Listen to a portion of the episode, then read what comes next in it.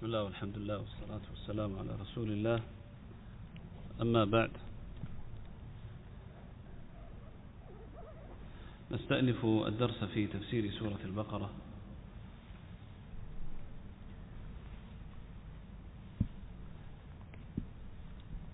في اليوم تاسع تاسع اليوم. اليوم التاسع من رمضان سنة خمس وثلاثين وأربعمائة وألف من الهجرة. مع شيخنا الفاضل خالد بن عبد الرحمن حفظه الله تعالى. وصلنا عند قوله وإذ أخذنا ميثاق ميثاقكم لا تسفكون دماءكم. أعوذ بالله السميع العليم من الشيطان الرجيم. من همزه ونفخه ونفثه. وإذ أخذنا ميثاقكم لا تسفكون دماءكم ولا تخرجون أنفسكم من دياركم ثم أقررتم وأنتم تشهدون ثم أنتم هؤلاء تقتلون أنفسكم وتخرجون فريقا منكم من ديارهم تظاهرون عليهم بالإثم والعدوان وإن يأتوكم أسارا تفادوهم وهو محرم عليكم إخراجهم أفتؤمنون ببعض الكتاب وتكفرون ببعض فما جزاء من يفعل ذلك منكم إلا خزي في الحياة الدنيا ويوم القيامة يردون إلى أشد العذاب وما الله بغافل عما تعملون أولئك الذين اشتروا الحياة الدنيا بالآخرة فلا يخفف عنهم العذاب ولا هم ينصرون. ولقد آتينا موسى الكتاب وقفينا من بعده بالرسل وآتينا عيسى بن مريم البينات وأيدناه بروح القدس أفكلما جاءكم رسول بما لا تهوى أنفسكم استكبرتم ففريقا كذبتم وفريقا تقتلون وقالوا قلوبنا غلف بل لعنهم الله بكفرهم فقليلا ما يؤمنون ولما جاءهم كتاب من عند الله مصدق لما معهم وكانوا وكانوا من قبل يستفتحون على الذين كفروا فلما جاءهم ما عرفوا كفروا به فلعنة الله على الكافرين. بئس ما اشتروا به أنفسهم أن يكفروا بما أنزل الله بغيا أن ينزل الله.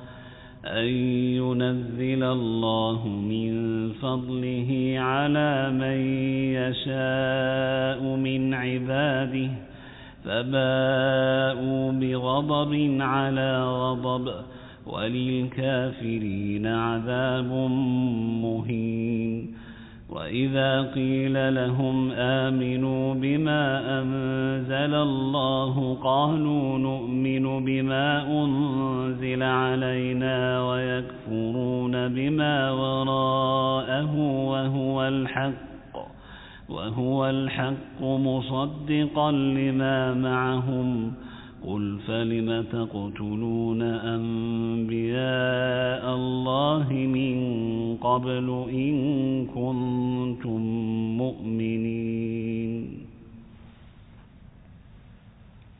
جزاك الله خيرا.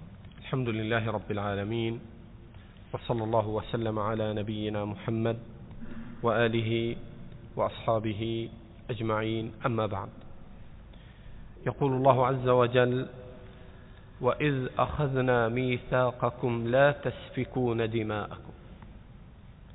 فأخذ الله عز وجل الميثاق والعهد على اليهود أن لا يقتل بعضهم بعضا. فهذا سفك الدم. وقد جاء في صحيح البخاري أن النبي صلى الله عليه وسلم قال أول ما يقضى بين الناس يوم القيامة في الدماء. ولذلك سفك الدم الحرام من أعظم الآثام. وقد ثبت عن النبي صلى الله عليه وسلم فيما صحح الإمام الألباني وغيره أنه قال أبى الله أن يجعل لقاتل مؤمن توبة. أبى الله أن يجعل لقاتل مؤمن توبة. فأخذ الله عز وجل على اليهود الميثاق يقول سبحانه وتعالى لا تسفكون دماءكم ولا تخرجون أنفسكم من دياركم. فكانوا فيما نهاهم الله عز وجل يخرجون أنفسهم من ديارهم كما سيأتي. فحرم الله عز وجل على اليهود سفك الدم ونفي أحد من أرضه بغير حق. قال الله جل وعلا ثم أقررتم وأنتم تشهدون. علموا أحكام الله وأقروا بها وشهدوا على الميثاق. ثم بعد ذلك خالفوه ونقضوه. قال الله جل وعلا ثم أنتم هؤلاء. تقتلون أنفسكم. يقتل بعضكم بعضا. ناقضين بذلك الميثاق الذي أخذه الله عز وجل. وتخرجون فريقا منكم من ديارهم. فكانوا يأتون إلى بعض الناس يعتدون عليهم فيطردونهم من أوطانهم وبلادهم بغير حق. من جنسهم من اليهود أنفسهم. وهذا يدلك على أن الله جل وعلا جعل اليهود طوائف وأحزاب متناحرين مختلفين. كما بين الله جل وعلا فيما يتعلق باليهود فأغرينا بينهم العداوة والبغضاء إلى يوم القيامة. فلا يجتمع اليهود قط على جماعة واحدة وعلى ألفة ووئام بينهم بل لا يزال اليهود قديما وحديثا فرقا وأحزابا وبينهم الشقاق والخلاف. ومن تتبع أحوال اليهود قديما وحديثا علم ذلك. قال الله جل وعلا ثم أنتم هؤلاء تقتلون أنفسكم وتخرجون فريقا منكم من ديارهم. إذا كان اليهود يخرجون فريقا منهم من ديارهم ظلما وعدوانا فما بالك بهم مع غيرهم؟ إذا كانوا هم في أنفسهم يخرجون بعض جماعتهم من البلد الذي يكونون فيه فما بالك بحال اليهود مع غيرهم في الاعتداء على بلدانهم وفي إخراجهم من أوطانهم كما هو حاصل اليوم مع اليهود في فلسطين. قال الله جل وعلا تظاهرون عليهم بالإثم والعدوان أي أنهم يتعاونون في الظلم على قتل بعضهم وعلى إخراج بعضهم من ديارهم. وأصل التظاهر التعاون تعاون الناس بعضهم بعضا.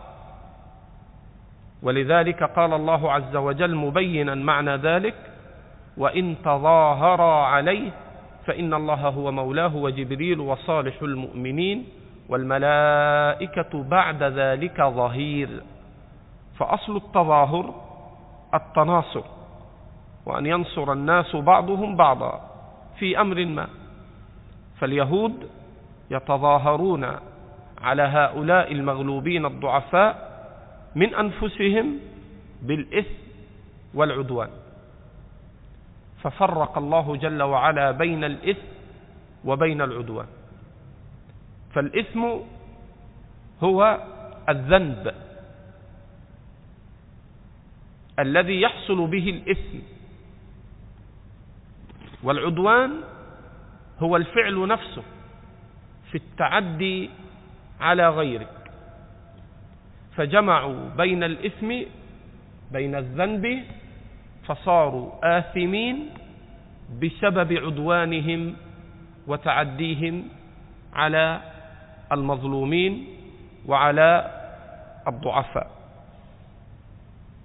قال الله جل وعلا وإن يأتوكم أسارى تفادوهم وهو محرم عليكم إخراجهم. وهذا بيان تناقض اليهود. مع أنهم يقتل بعضهم بعضا فإذا لقي يهودي يهوديا أسيرا فكان يشتريه ويفديه. وقد أخرج ابن أبي حاتم بإسناد حسن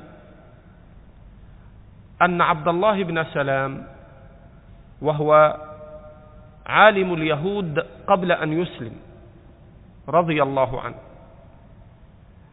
كانوا في غزوة من الغزوات. فاشترى عجوزا بسبعمائة ورجع بها. ثم في الطريق لقي رأس الجالوت وهو عالم من علماء اليهود وكبير من كبرائهم. فقال له عبد الله بن سلام إني قد اشتريت هذه العجوز وهي منكم يعني يهودية. وإني قد اشتريتها بسبعمائة فهل تشتريها؟ فقال له رأس الجالوت نعم أربحك فيها سبعمائة مثلها. يعني أعطيك فيها ألف وأربعمائة. فقال عبد الله بن سلام أما إني قد حلفت أن لا أبيعها إلا بأربعة آلاف. فقال له رأس الجالوت لا حاجة لي فيها. فقال عبد الله بن سلام أما والله لتشتر لتشترينها أو لتكفرن بدينك الذي تؤمن به. ثم قال أدن مني. فدنا. فقرأ عليه ما في التوراة. إنك إذ وجدت أخاك اليهودي أسيرا فاشتره فأعتقه. فتنبه هذا رأس الجالوت فقال له أنت عبد الله بن سلام؟ لأنه لا يمكن أن يعرف ذلك إلا إذا كان قد قرأ التوراة. فقال نعم. فاشتراها بأربعة آلاف. فأخذ عبد الله بن سلام ألفين ورد عليه ألفين. فكان مفروضا عليهم في دينهم إذا وجد أخا له يهوديا أسيرا أن يفديه. فجمعوا بين المتناقض. فكانوا إذا وجد بعضهم بعضا في الأسر افتدى بعضهم بعضا. ثم بعد ذلك يقتل بعضهم بعضا. فأنكر الله عليهم فقال وإن يأتوكم أسارى تفادوهم. إذا وجدت اليهود أسرى تفادوهم. ثم بعد ذلك تقتلونهم وتقتل بعضك يقتل بعضكم بعضا وتخرجونهم من ديارهم وهو محرم عليكم إخراجهم فجمعوا بين المتناقضين عملوا بشيء من كتاب الله وكفروا بشيء عملوا في الفداء لأسراهم وكفروا بقتلهم وبإخراجهم وعدم قبولهم لحكم الله في مسألة القتل والإخراج من الديار. وهذا يدلك على أن الذي حملهم على قبول حكم الله بأن يفدوا أسراهم ليس الديانة وإنما العنصرية والعصبية والقبلية. فإنه لو كان حملهم على فداء أسراهم. الديانة لقبلوا حكم الله في عدم إخراجهم من ديارهم وفي عدم قتلهم. ولكنهم أخذوا من حكم الله جل وعلا ما يوافق هواهم. فقال الله جل وعلا منكرا عليهم أفتؤمنون ببعض الكتاب وتكفرون ببعض؟ فكان إيمانهم في فدائهم أسراهم وكان كفرهم في عدم قبولهم حكم الله حين نهاهم عن سفك دماء أنفسهم وعن إخراج أنفسهم من ديارهم. قال الله جل وعلا فما جزاء من يفعل ذلك منكم إلا خزي في الحياة الدنيا. ويوم القيامة يردون إلى أشد العذاب. فرتب الله جل وعلا على كفرهم أمرين عقوبة في الدنيا والعقوبة الأكبر في الآخرة. فعقوبة الدنيا الخزي. يكونوا مخزيين ذليلين كما قال تعالى وضربت عليهم الذلة والمسكنة ومن الخزي ما بين الله عز وجل مخبرا عنهم في وصف اليهود بأنهم أغرى بينهم العداوة والبغضاء إلى يوم القيامة. فأغرينا بينهم العداوة والبغضاء إلى يوم القيامة. وهذا من ضمن عقوبة الدنيا. ومن ضمن الخزي أن الله شتتهم في بلدان الدنيا. وقطعناهم في الأرض أمما. فشتتهم الله عز وجل وجعل اليهود شتاتا. فما من جنس من الأجناس إلا له وطن واستقرار إلا اليهود. فإنهم متناثرون في أقطار الدنيا. لا يجمعهم وطن ولا تجمعهم دولة لجنس اليهود وإنما ينتقلون من بلدة إلى بلدة ومن دولة إلى دولة يعتدون على هؤلاء يعتدون على أولئك ليجعلوا لهم مكانا مستقرا. وهذا كله من عقوبة الله عز وجل لهؤلاء اليهود. قال الله جل وعلا ويوم القيامة يردون إلى أشد العذاب. فاليهود لما كانوا من أشد الناس كفرا صار عذابهم من أشد العذاب. وقد ثبت في الصحيحين أن النبي صلى الله عليه وسلم قال ناركم هذه جزء من سبعين جزءا من نار جهنم. فقالوا يا رسول الله والله إن كانت لكافية أي أن نار الدنيا تكفي للعذاب. قال أما إنها فضلت عليها بتسعة وستين جزءا كلها مثل حرها. نعوذ بالله من النار. فالنار بين النبي صلى الله عليه وسلم أنها جزء. من سبعين جزءا بالنسبة لنار جهنم. ثم كل جزء زائد يزيد على الجزء بمثل حرها وبمثل ألمها حتى يصل التضعيف في زيادة العذاب إلى سبعين ضعفا ونعوذ بالله.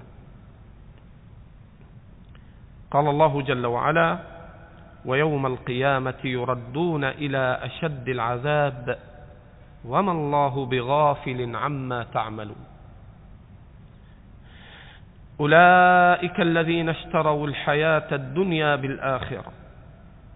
فلا يخفف عنهم العذاب. بعد أن ذكر شدته فقد يقال أن الأمر يكون شديدا في بدايته وقد يخف ويقل. فبين الله عز وجل أن اليهود ملازمون لشدة العذاب أزلا وأبدا بعد دخولهم النار. وأن عذابه عز وجل عليهم لا يخفف ولا هم ينصرون. فلا هو سبحانه وتعالى يخفف العذاب عنهم ولا هم يجدون ناصرا يدفع عنهم عذاب الله عز وجل. فبعد أن ذكر الله ذلك من خصال اليهود بين خصلة أخرى من خصالهم وهي قبيح فعالهم ليس بأنهم يقتلون أنفسهم ويخرجون فريقا منهم من ديارهم بل تعدى قتلهم للأنبياء الذي هو أعظم جرما من قتل غيرهم. فإن كان أصل القتل محرم وكبيرة عظيمة فإذا وصل القتل إلى الأنبياء فإنه يكون من الكفر الصريح ومن أعظم الآثام. فقال تعالى ولقد آتينا موسى الكتاب وهو التوراة. وقفينا من بعده بالرسل. ثم أرسل الله عز وجل الرسل كثرة بعد نبي الله موسى. وآتينا عيسى بن مريم البينات. وعيسى ابن مريم يقول الله عز وجل آتيناه عيسى ابن مريم البينات. الدلائل الواضحات. وأيدناه بروح القدس. وروح القدس هو جبريل عليه الصلاة والسلام. وقد ثبت في الصحيحين أن حسان بن ثابت رضي الله عنه استشهد أبا هريرة. فقال يا أبا هريرة أما سمعت رسول الله صلى الله عليه وسلم يقول يقول لي أهجهم أو هاجهم أيدك الله بروح القدس أو ومعك روح القدس؟ فقال أبو هريرة اللهم نعم. وأخرج في الصحيحين من حديث البراء أن النبي صلى الله عليه وسلم قال لحسان أهجهم أو هاجهم وجبريل معك. فروح القدس هو جبريل. قال الإمام الطبري رحمه الله وسبب تسميته بروح أي أن جبريل روح من الله عز وجل كما قال الله عن عيسى بأنه روح من الله إذ خلقه الله بلا سبب كما هو عادة خلق بني آدم أن يتولد من ذكر وأنثى. فجبريل عليه الصلاة والسلام روح من الله. ثم وصفه القدس فإن أصل القدس الشيء الطاهر. فمعنى وأيدناه بروح القدس أي قويناه وأيدناه بروح القدس الروح الطاهر وهو جبريل عليه الصلاة والسلام. لذلك كان اليهود يبغضون جبريل على وجه الخصوص. فنزلت الآية قل من كان عدوا لله وملائكته وجبريل. فكان اليهود يقولون هذا عدو اليهود من الملائكة.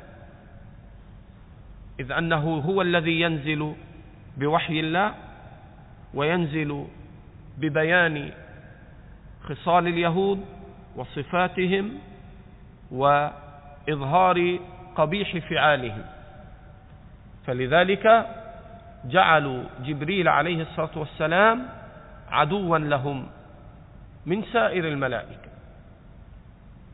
قال الله جل وعلا أفكلما جاءكم رسول بما لا تهوى أنفسكم استكبرتم. إذا جاء الرسول بما تهوى أنفسهم قبلوا. كما قبلوا حكم الله في مسألة فداء أسراهم حين هووا ذلك. أما إذا جاء الرسول بما لا تهوى أنفسهم استكبروا. فلم يقبلوا دين الله ولم يقبلوا أحكام الله.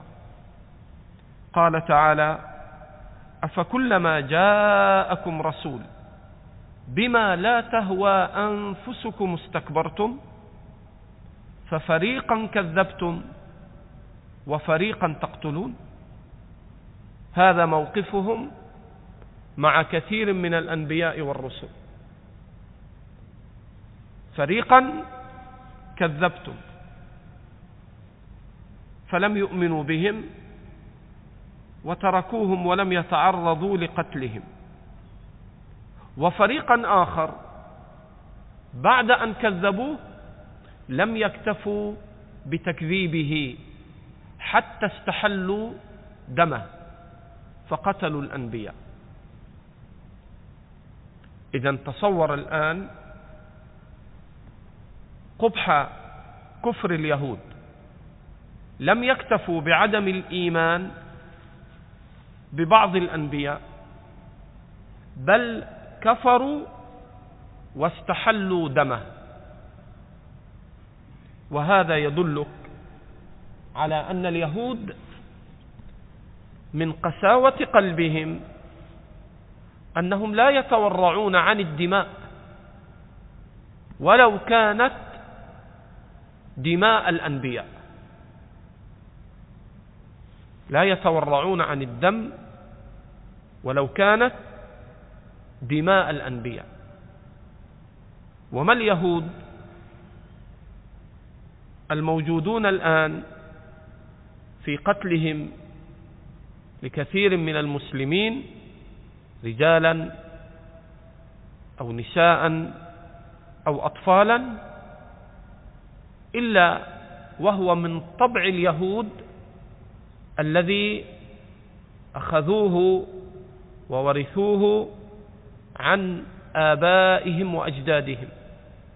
فمن قتل الأنبياء فلا يتورع. بعد ذلك منه أن لا يقتل امرأة أو صبيا أو شيخا فانيا أو عجوزا. ومن ظن أن اليهود قد يصلح حالهم في يوم من الدهر فهو لم يفهم كتاب الله عز وجل فهما صحيحا. وسيظل اليهود على ما ركب فيهم من سوء أخلاقهم ومن قبيح صفاتهم وقساوة قلوبهم. قال الله جل وعلا ففريقا كذبتم وفريقا تقتلون. سؤال هنا يرد شيخنا الفاضل. أن كثرة حرص اليهود على الدماء وتسببهم في قتل الأنبياء إلى عصرنا الحاضر هل ممكن أن يفسر أو تفسر جميع الأحداث بقتل المسلمين وسفك دمائهم على أن اليهود على رأس ذلك؟ هذا تكلف في تصور الأمور. وإيضاحه أن الله جل وعلا لم يجعل اليهود هم الأعداء فقط للمسلمين. لا فإن أعداء المسلمين كثر. وإن الذي يحرص على سفك الدماء دماء المسلمين كثر. منهم اليهود ومنهم غيرهم. فمن ذلك ما بينه الله عز وجل في كتابه لتجدن أشد الناس عداوة للذين آمنوا اليهود والذين أشركوا. فالمشركون أيضا حريصون على دماء المسلمين قتلا. بل إن الظلال من المسلمين يفعلون فعل اليهود. فالنبي صلى الله عليه وسلم وصف الخوارج فقال يقتلون أهل الإسلام ويدعون أهل الأوثان. فالخوارج يستحلون دماء المسلمين فيفعلون فعل اليهود في استحلالهم الدماء. أما أن يقال بأن كل ما يحل بالمسلمين في بلادهم وأوطانهم هو من تخطيط اليهود ومن سياسة اليهود فهذا تكلف في شأن اليهود وتكلف في تفسير ما يحدث للمسلمين بذلك. فينبغي أن ينتبه المسلمون أن من الأذى ما يتحقق بين المسلمين بسبب ظلم بعضهم لبعض كما يفعل الخوارج في قتل المسلمين قديما وحديثا. نعم.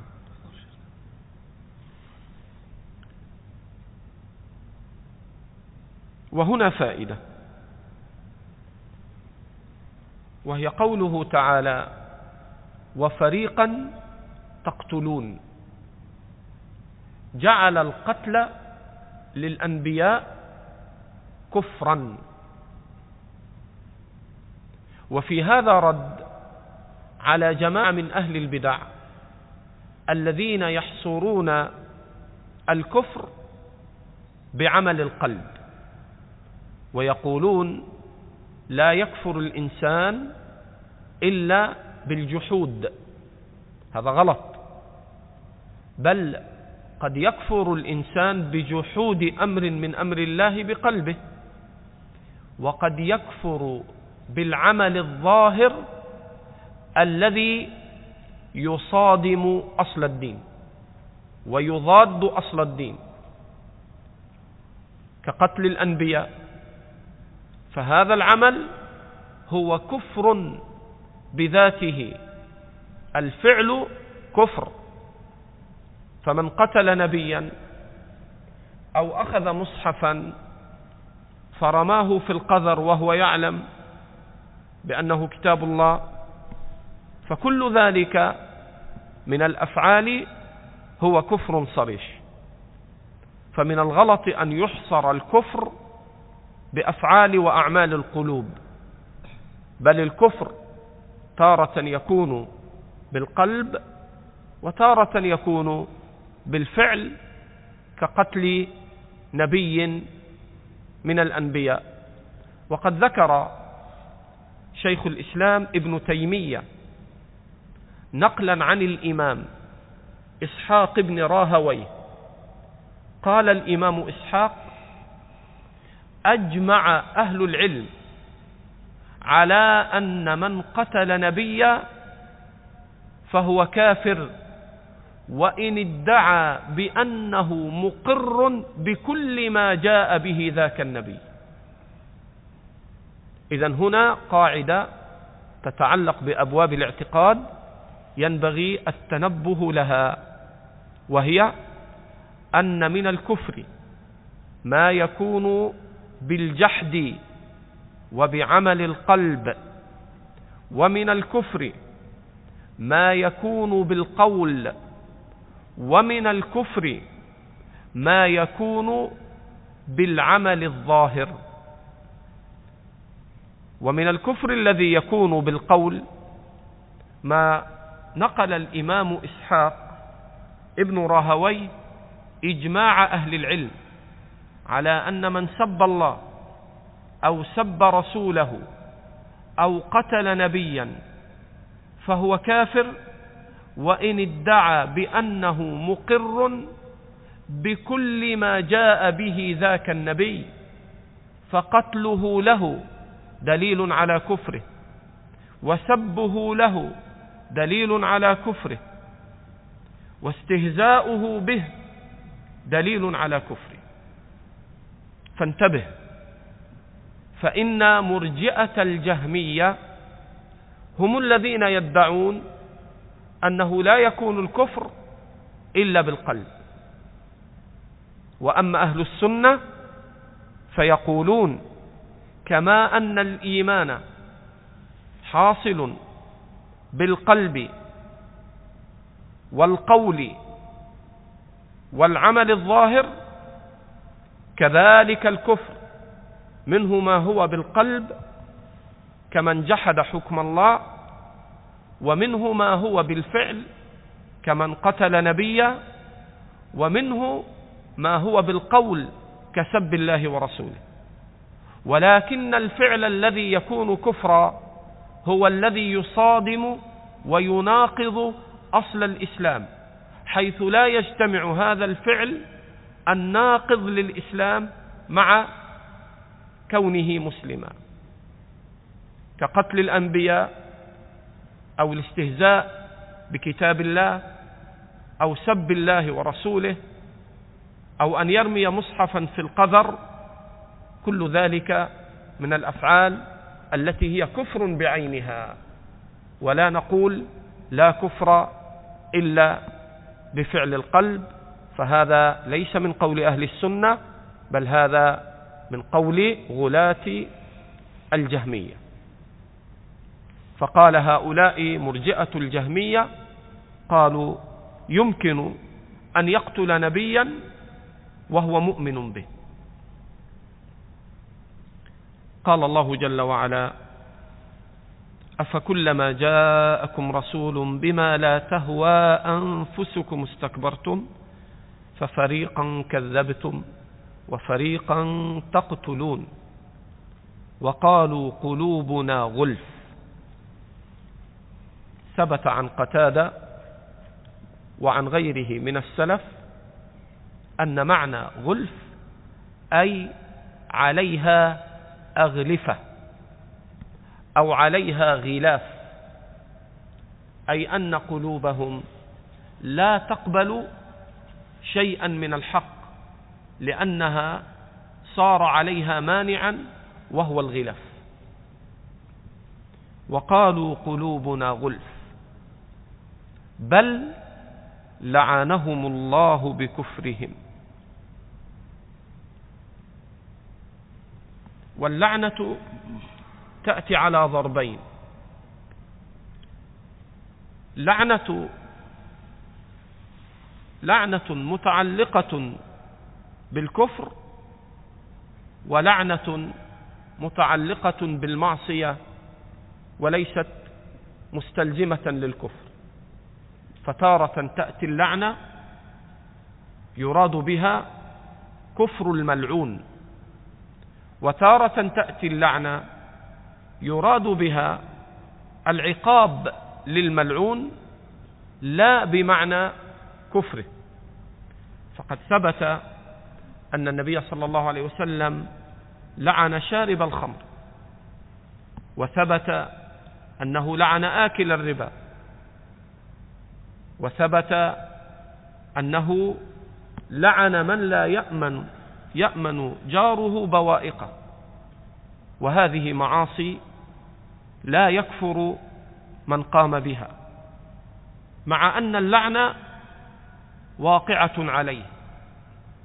إذا انتبه حين تأتي اللعنة فلا تستلزم كفر الملعون.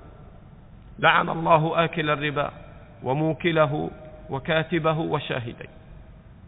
وقد تأتي اللعنة يراد بها كفر الملعون بحسب فعله فإن كان فعله المستجلب للعنة كفرا فاللعنة هنا مستلزمة لكفره.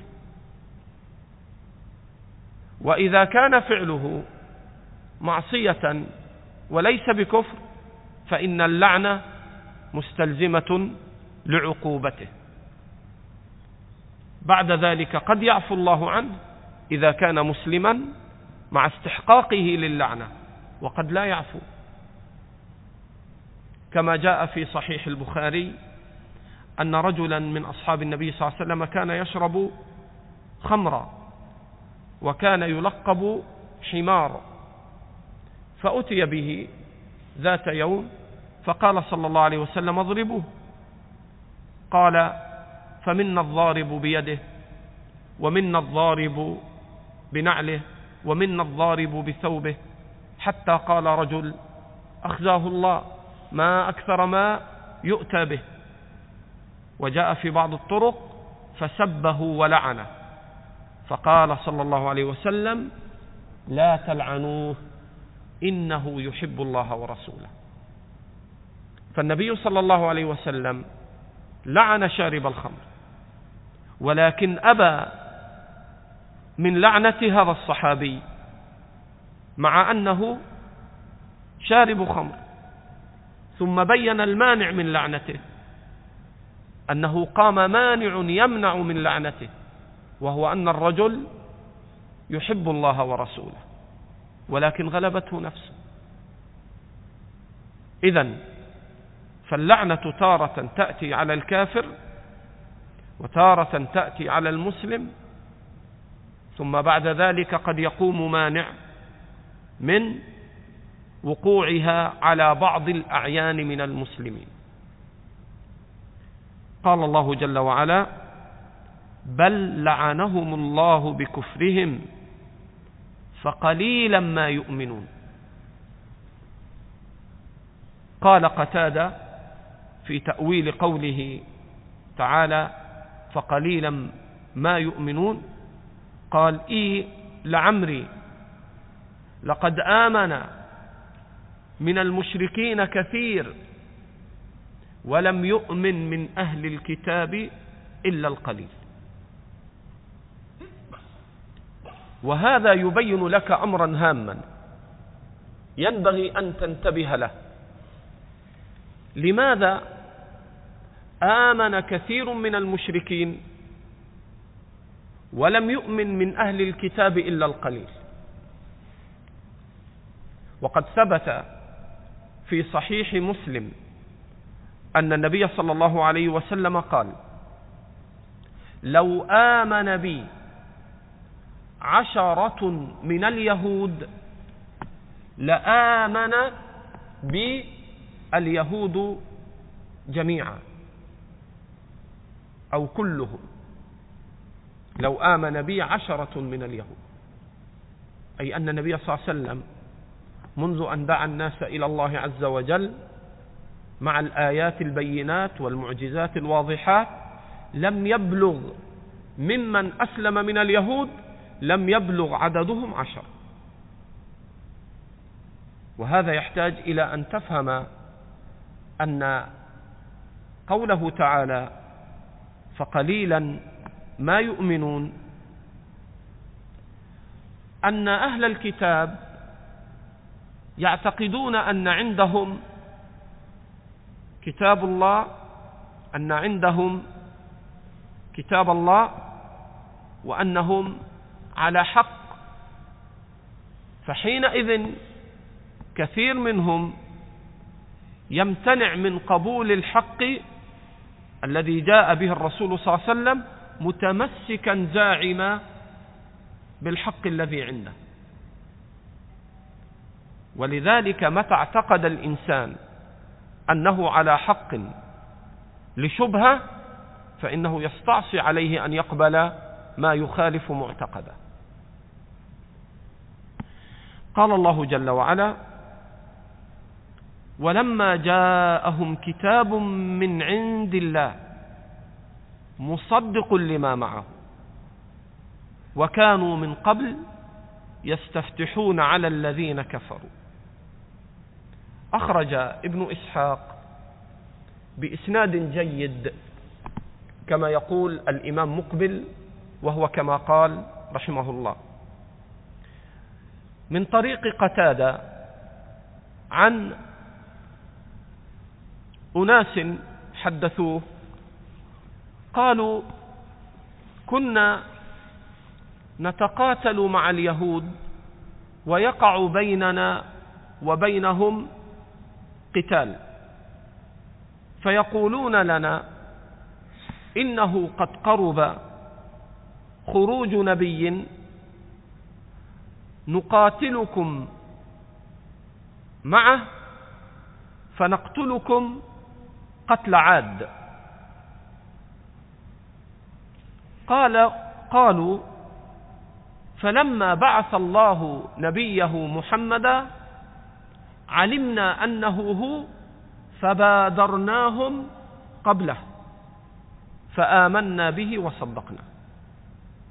فهذا معنى قوله تعالى وكانوا من قبل أي وكانوا من قبل أن يبعث الله نبيه عليه الصلاة والسلام يستفتحون على الذين كفروا قائلين لهم بأنه قد أهل زمان نبي نقاتلكم معهم نقاتلكم معه قتل عاد. فلما جاءهم ما عرفوا كفروا به. فهم عرفوا بأنه هو المقصود ولكن هذه المعرفة لم تنفعهم لأنها لم تقترن بالإيمان والقبول وهذا ينبئك على قاعدة أهل السنة أن المعرفة التي لا تقترن بالإيمان والقبول فإنها تضر ولا تنفع. فإن الله أخبر عن فرعون. فقال وجحدوا بها واستيقنتها أنفسهم ظلما وعلوا. علموا صدق موسى يقينا ومع ذلك لم يقبلوا فلم تنفعهم معرفتهم بالحق. وقال أيضا عن أهل الكتاب وعن اليهود الذين آتيناهم الكتاب يعرفونه كما يعرفون أبناءهم. ولذلك في هذه الآية ومثيلاتها رد على المرجئة على غلاة المرجئة الزاعمين بأن الإيمان هو معرفة محضة. فكل من عرف الله فهو مؤمن تام الإيمان. قال شيخ الإسلام ابن تيمية واتفق السلف على تكفير غلاة الجهمية الذين يقولون بأن الإيمان معرفة محضة فألزمهم أهل السنة بإيمان فرعون وإيمان إبليس. فإن فرعون وإبليس عرف الله وعرف فرعون صدق موسى فلم يكن مؤمنا بذلك. إذا فقوله تعالى فلما جاءهم ما عرفوا كفروا به حجة لأهل السنة على أن الإيمان ليس معرفة محضة بل الإيمان قول وعمل. والإيمان اعتقاد القلب وإقرار اللسان بالشهادتين وعمل بالجوارح يزيد بالطاعة وينقص بالمعصية. وأن المعرفة المحضة التي لا يقترن بها قبول وإذعان وحب وطاعة لله عز وجل أنها لا ينبني عليها الإيمان بل يكون حاله كحال اليهود وحال فرعون وحال إبليس من المعرفة التي لا لم تقترن بالتوحيد والقبول والإذعان والرضا. قال الله جل وعلا فلما جاءهم ما عرفوا كفروا به فلعنة الله على الكافرين. بئس ما اشتروا به أنفسهم أن يكفروا بما أنزل الله بغيا أن ينزل الله من فضله على من يشاء من عباده. لماذا فعل اليهود ذلك؟ عرفوا الحق وعاندوه. ما الذي حملهم على ذلك؟ قال بغيا. وبغيا منتصب إما على الحال أو على أنه مفعول لأجله. أي أن اليهود كفروا حال كونهم باغين. فيكون بغيا منصوبا على الحال من الفاعل والضمير الذي في قوله يكفر أي كفروا باغين وإما أن يكون منتصبا بغيا على أنه مفعول لأجله كما تقول أكرمتك حبا. أكرمتك حبا لك. أي أن الذي حملني على أن أكرمك هو حبي لك. فهذا هو مفعول لأجله. فقد ذكر المعربون هنا أوجه النصب في بغيا. والمقصود على أي وجه كان أنهم إنما كفروا عنادا وبغيا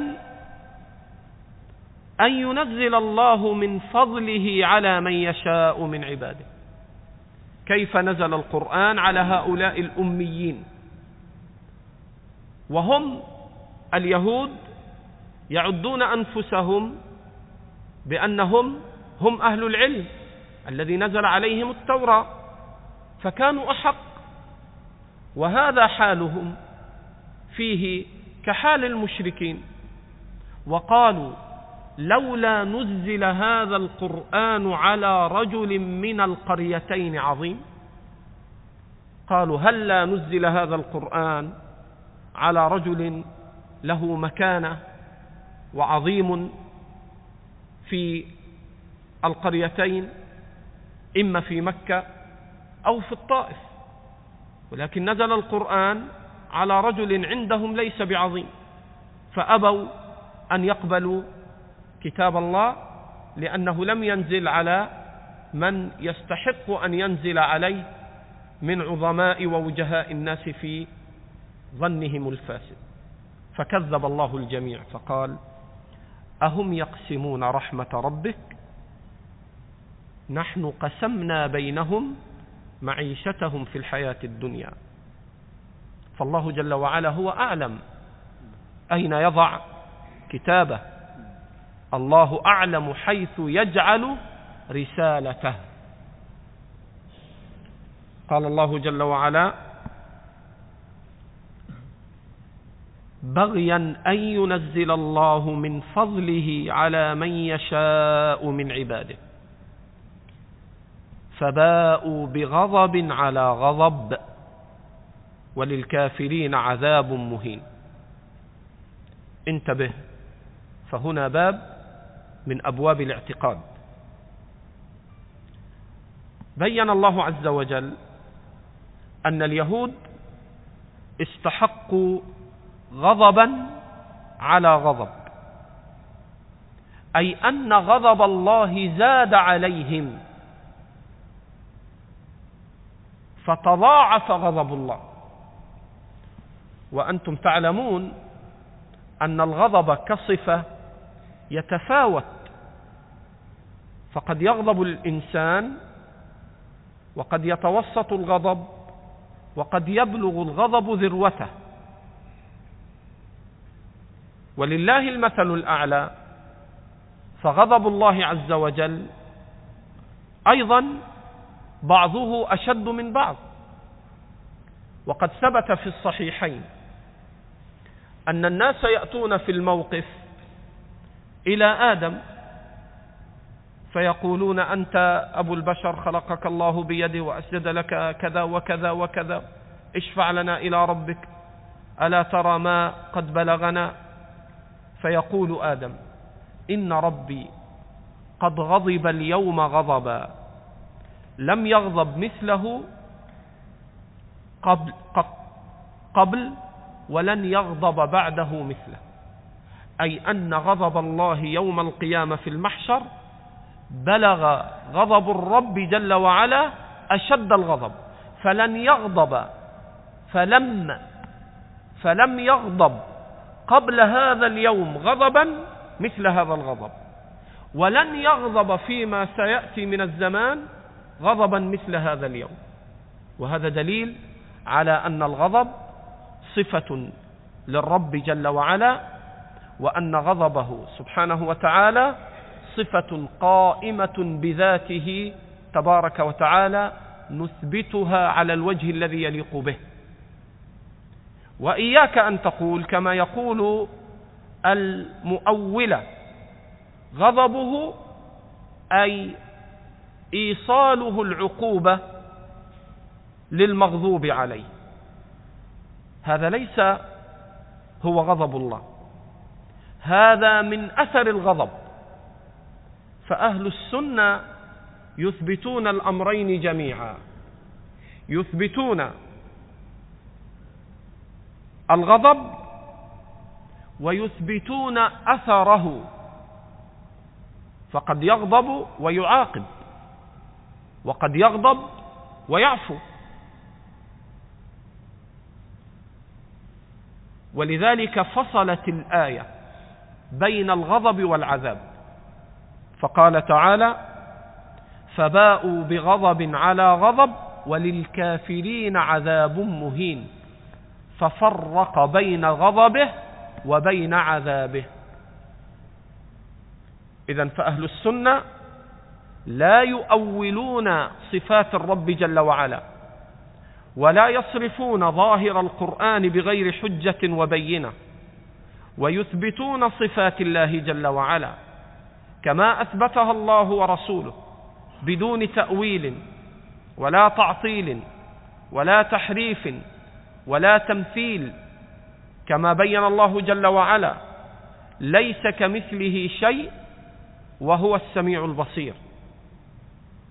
فالله يغضب غضبا يليق به ليس كمثله شيء وهو السميع البصير وليس معنى الغضب العذاب بل العذاب هو مما ينتج عن أثر الغضب إن شاء الله ذلك.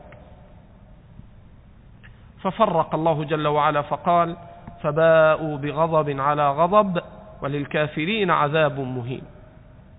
وإذا قيل لهم آمنوا بما أنزل الله قالوا نؤمن بما أنزل علينا. ويكفرون بما وراءه. فهم لم يؤمنوا بما أنزل عليهم ولم يؤمنوا بما جاء بعده وهو القرآن.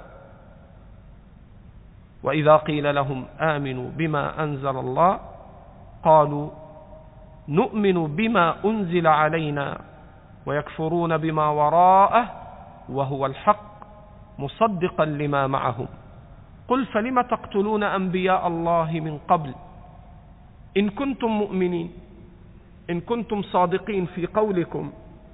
نؤمن بما أنزل علينا. فكيف آمنتم بما أنزل عليكم؟ وقد قتلتم الأنبياء. فأنتم كذبة. لم تؤمنوا لا بما أنزل عليكم ولا بما أنزل بعد ما أنزل عليكم. قال الله جل وعلا قل فلم تقتلون أنبياء الله من قبل إن كنتم مؤمنين؟ فهم ليسوا بمؤمنين وإنما هم كفار فجرة حسدة نعوذ بالله منهم ووقى الله المسلمين شر اليهود والله سبحانه وتعالى أعلم. بارك الله فيكم